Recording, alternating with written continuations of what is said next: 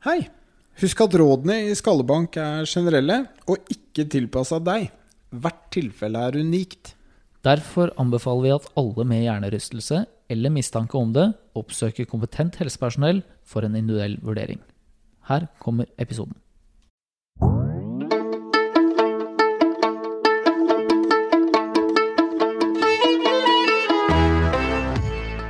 Hei, og velkommen til Skallbank, podkasten om hjernerystelse. Jeg heter Lars Martin Fischer. Og jeg heter Narve Bjørneseth. Og i dag så skal vi snakke om eh, tid. Og tid i den betydning av at hvordan du håndterer en hjernerystelse, det har kanskje noe å si for hvor lang hjernerystelsen kan bli. Ja, så det kan være greit å snakke litt om hva er forventningene våre, og hvordan skjer ting, i hvilken rekkefølge, når skal man se hvem? Ja, nettopp det. Og det er jo sånn eh, La oss si, da, at uh, du har jo spilt uh, bandy. Ja. Det er, jeg vet ikke, men har du sett noen hjernerystelser på banen der? Det har vel skjedd? Det har skjedd, men uh, det var, det var vel ikke det jeg tenkte på, på da. Men uh, jeg har jo sett uh, på idrettsbanen flere ganger. Ja. Det har jeg. Ok. Så, så smellen kommer, bang. Eh, hjernerystelsen blir høyst sannsynlig konstatert. To spillere kolliderer, eller en spiller smeller huet i bakken, eller hva som helst. Så det er ikke noe tvil om at her er det nok krefter til at det har skjedd noe gærent. Ja, så er det jo eh, Har man god oversikt og, og kan utelukke eh, røde flagg tidlig der, eh, og føle seg ganske trygg på det, så, så, så kan man jo vurdere skal man til eh, en sjekk på legevakt eller ikke. Men, men, for veldig mange som opplever en hjernerystelse, så har de jo kanskje ikke de personene rundt seg der og da. Så, så, kanskje det første steget er jo at man tar seg en tur da, på legevakta for å få en sjekk. Ja, for hele poenget her er jo du kan, hvis du slår hodet, som vi har sagt gjentatte ganger, du kan få ordentlig kjipe skader også. Det kan oppstå blødninger, det kan ha oppstått brudd, det kan ha oppstått ting som potensielt kan være livstruende, og det skal sjekkes ut før vi går videre med å sjekke ut alt du ikke dør av ved en hjernerystelse. Ja, og det, det, er jo det som skjer da nede på legevakta eller uh, på sykehuset. Det er jo det de ønsker å finne ut av. Er dette her noe livsfarlig, eller er det en hjernerystelse? Og ja. er det en hjernerystelse, så, så, får du kanskje ikke så mye andre beskjeder enn akkurat det, at det er en hjernerystelse. Og ja, får man noe mer beskjed da? Noen har vel fått beskjeden om at det kan være lurt å bli vekt i løpet av natta. Mm. Um, og det er jo helt greit, for uh, uh, i noen tilfeller, hvis man kanskje har mistanke om, om, blødning, så vil jo det gjøre at du blir mer og mer surrete, eller får mer og mer hodepine, eller i hvert fall mer og mer symptomer uh, som, som, kan tyde på økt trykk inni hodet, og det skal man jo følge med på. Ja. Men hvis det ikke er noe mistanke om det i det hele tatt, så får du høyst sannsynlig beskjed om å gå hjem og ta det med ro, og det er det du får beskjed om. Ja. Og, og da sitter man der da, og liksom skal tilhele sin egen hjernerystelse og bare vente til det går over, eller skal man det? Det er vel kanskje ikke det vi mener nå, Narve. Vi føler vel at vi har kommet såpass langt at vi kan si bastant at her kan vi gjøre tiltak eh, tidligere eh, som påvirker eh, veien videre. Ja, og der kommer jo dette inn at det som tilsynelatende er det viktigste på veien til å bli raskt frisk, er å få beskjed om, eller i hvert fall få informasjon om, hva en hjernerystelse er, og hva den ikke er, og hva den innebærer for hjernen din som vi gikk igjennom helt i starten av denne podden. Ikke denne episoden, men ja. episode to, så snakket vi om den akutte hjernerystelsen, hva som skjedde inni hjernen. Og det er det veldig greit at du som pasient får vite. Ja, I hvert fall at du har en viss forståelse om hva det er som foregår. Da. At uh, hvorfor er det man opplever de plagene, og hva er forventet eh, videre, sånn, og hvordan kan du best mulig påvirke det selv. For det å sette seg ned i sofaen, eh, slå av lyset, skru av TV-en og vente på at ting går over, det er vel eh, ikke den mest eh, hensiktsmessige måten eh, nå lenger. Nei, det har faktisk vist seg å, å, gjøre symptomene delvis verre. Det er jo ikke så rart, da. Hvis du skrur av alle sanseinntrykk, og så skal du plutselig gjeninnsettes i verden med manko på sanseinntrykk i en uke, og så får du banka inn en hel haug av sanseinntrykk rett etter det, så vil jo det i seg selv føles kjipt og rart og annerledes, og vil kanskje gjøre at du føler at du har mer symptomer enn du på mange måter har etter hjernerystelsen. Så det er rett og slett kontraproduktivt å beskytte seg selv overvettes mye for sanseinntrykk. Ja, når du sier sanseinntrykk, så er jo også det å være fysisk aktiv skaper jo en del sanseinntrykk. Så så det å bevege seg er faktisk med på å stimulere hjernen. Så det er viktig å huske at dette gjelder jo ikke bare at man skal kunne se litt på TV eller uh, høre litt på musikk eller noe sånt, men, men, det å bevege seg. Og de første 24 timene, 48 timene, ok, da skal man få lov til å ta det med ro og komme seg litt i hektene, men så fort man har mulighet til det, og senest da 48 timer, så bør man komme seg i bevegelse. Ja.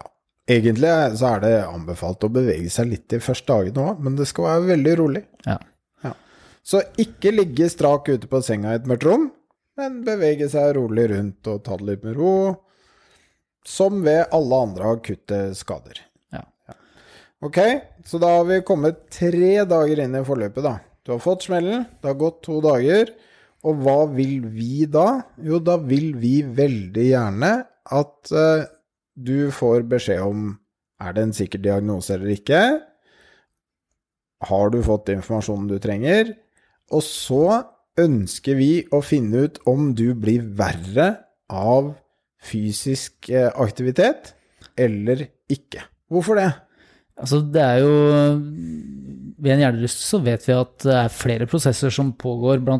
det at du får en eh, betennelse i sentralnervesystemet, du får Eh, redusert blodtilførsel til hjernen.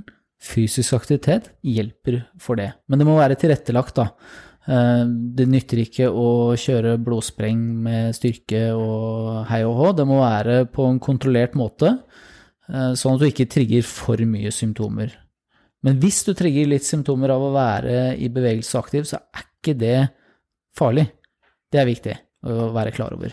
Ja, for det som er rådet, er jo denne 24-timersregelen, at hvis du har symptomer, så kan du være på det aktivitetsnivået du er den dagen.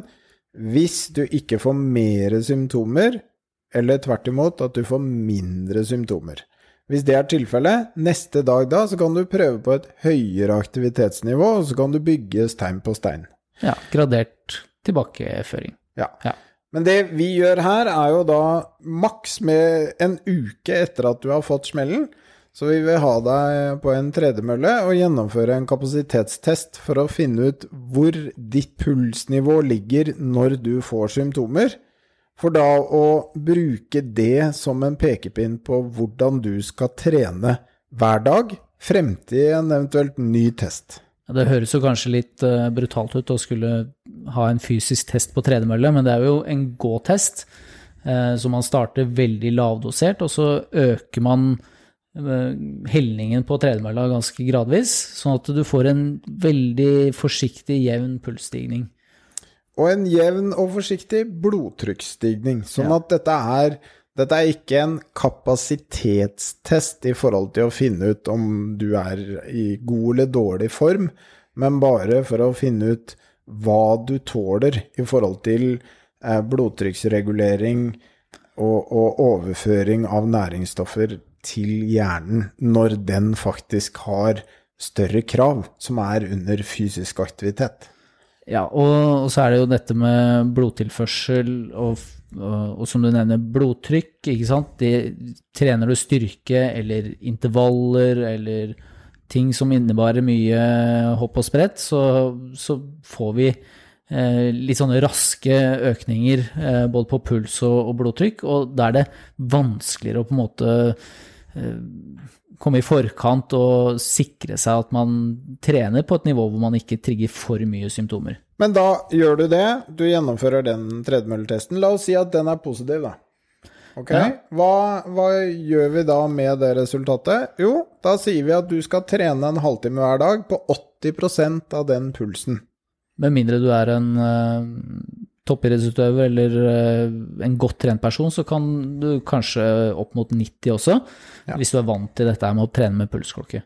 Hvis dere har hørt uh, litt av våre podkaster, så har vi jo snakket om uh, rottleter, som er de forsøkene vi har på, altså vanlige rotter og, og spreke rotter. Og der kommer jo noe av det grunnlaget for at man kan si at, at, de som er godt trent, antageligvis tåler en høyere belastning enn de som ikke er godt trent. Ja. Ok, så da er vi i gang med fysisk aktivitet. Er det andre ting som man bør passe på i den, den tida? Vi har jo tatt og snakket litt med eh, Malene, eh, klinisk ernæringsfysiolog. Er det noe med maten som vi bør passe på? Ja, det er jo ansett som en, som en akutt uh, betennelsestilstand. Og da er det alltid lurt å ha en, en, viss fokus på kosten på at du får i deg ting som er uh, be, naturlig betennelsesdempende, uh, som omega-3, som alle typer grønne grønnsaker, eksempelvis.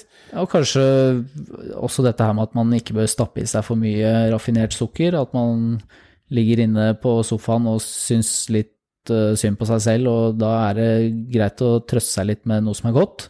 Det er kanskje ikke det lureste da heller, for det er proinflamatorisk. Altså det, kan, det gir næring til betennelsen. Ja. Og så er det jo dessverre sånn da, at å knaske betennelsesdempende eh, det hjelper ikke for dette her. For fordi de de betennelsesdempende sporstoffene der, de, de, klarer ikke å krysse blod-hjernebarrieren i, i samme, samme, grad.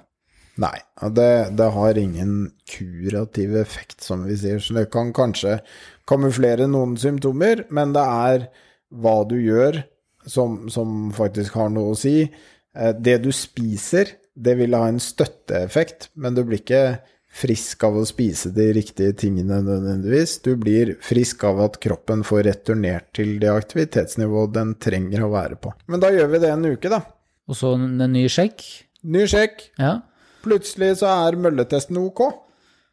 Ja, og det betyr jo da at da har du egentlig fritt leide til å trene så intensivt du vil. Det betyr ikke at du skal fly tilbake til eh, full deltakelse på fotballtrening eller aktiviteter der hvor det er mange uforutsette hendelser som kan skje, da, men da kan du i hvert fall trene med den intensiteten som du ønsker selv. Ja. For du er jo eh, per da, hvis du er vanlig dødelig, så er du i utgangspunktet eh, friskmeldt, så fremt du ikke fortsatt har symptomer. Har du symptomer som da ikke trigges av denne tredemølletesten, så, så, gjennomfører vi gjerne et testbatteri for å sjekke alle de andre eh, sansesystemene som blir påvirket, typ nakke, syn, eh, balanseorgan etc., for å se om det fortsatt kan være med på å gi deg symptomer. Men treningsmessig er du da friskmeldt for å, å ha så høy intensitet som du klarer. For atletene så betyr det ikke at du er fri til å dundre på med all aktivitet på idrettsbanen. Dere er vi strengere med. Det er uh, høyere krav der. Så, og, og, det er jo også litt fordi at vi vet at hvis du er litt for frempå, får deg en ny smell, altså tar eh, restitusjonen av en ny skade på en allerede trigga hjerne, tar mye, mye lengre tid. Kanskje to-tre-gangeren så lang tid. Ja. Så jeg tenker at uh, i en seinere episode så kan vi snakke om disse protokollene. Her har vi egentlig snakket om return to work og return to learn, men uh, neste episode så kan vi snakke om return to play. Men da Jeg føler kanskje ikke at vi fikk snakket om alt vi skulle, Narve, men eh, for at det ikke skal bli altfor langt, så tar vi og snakker litt mer om dette her neste gang, da. Ja, det syns jeg er et bra forslag. Da kan vi ta for oss en del av de, de tingene du trenger eh, i forhold til kognitiv påvirkning. Ja. Men da høres vi da. Takk for i dag. Takk for i dag.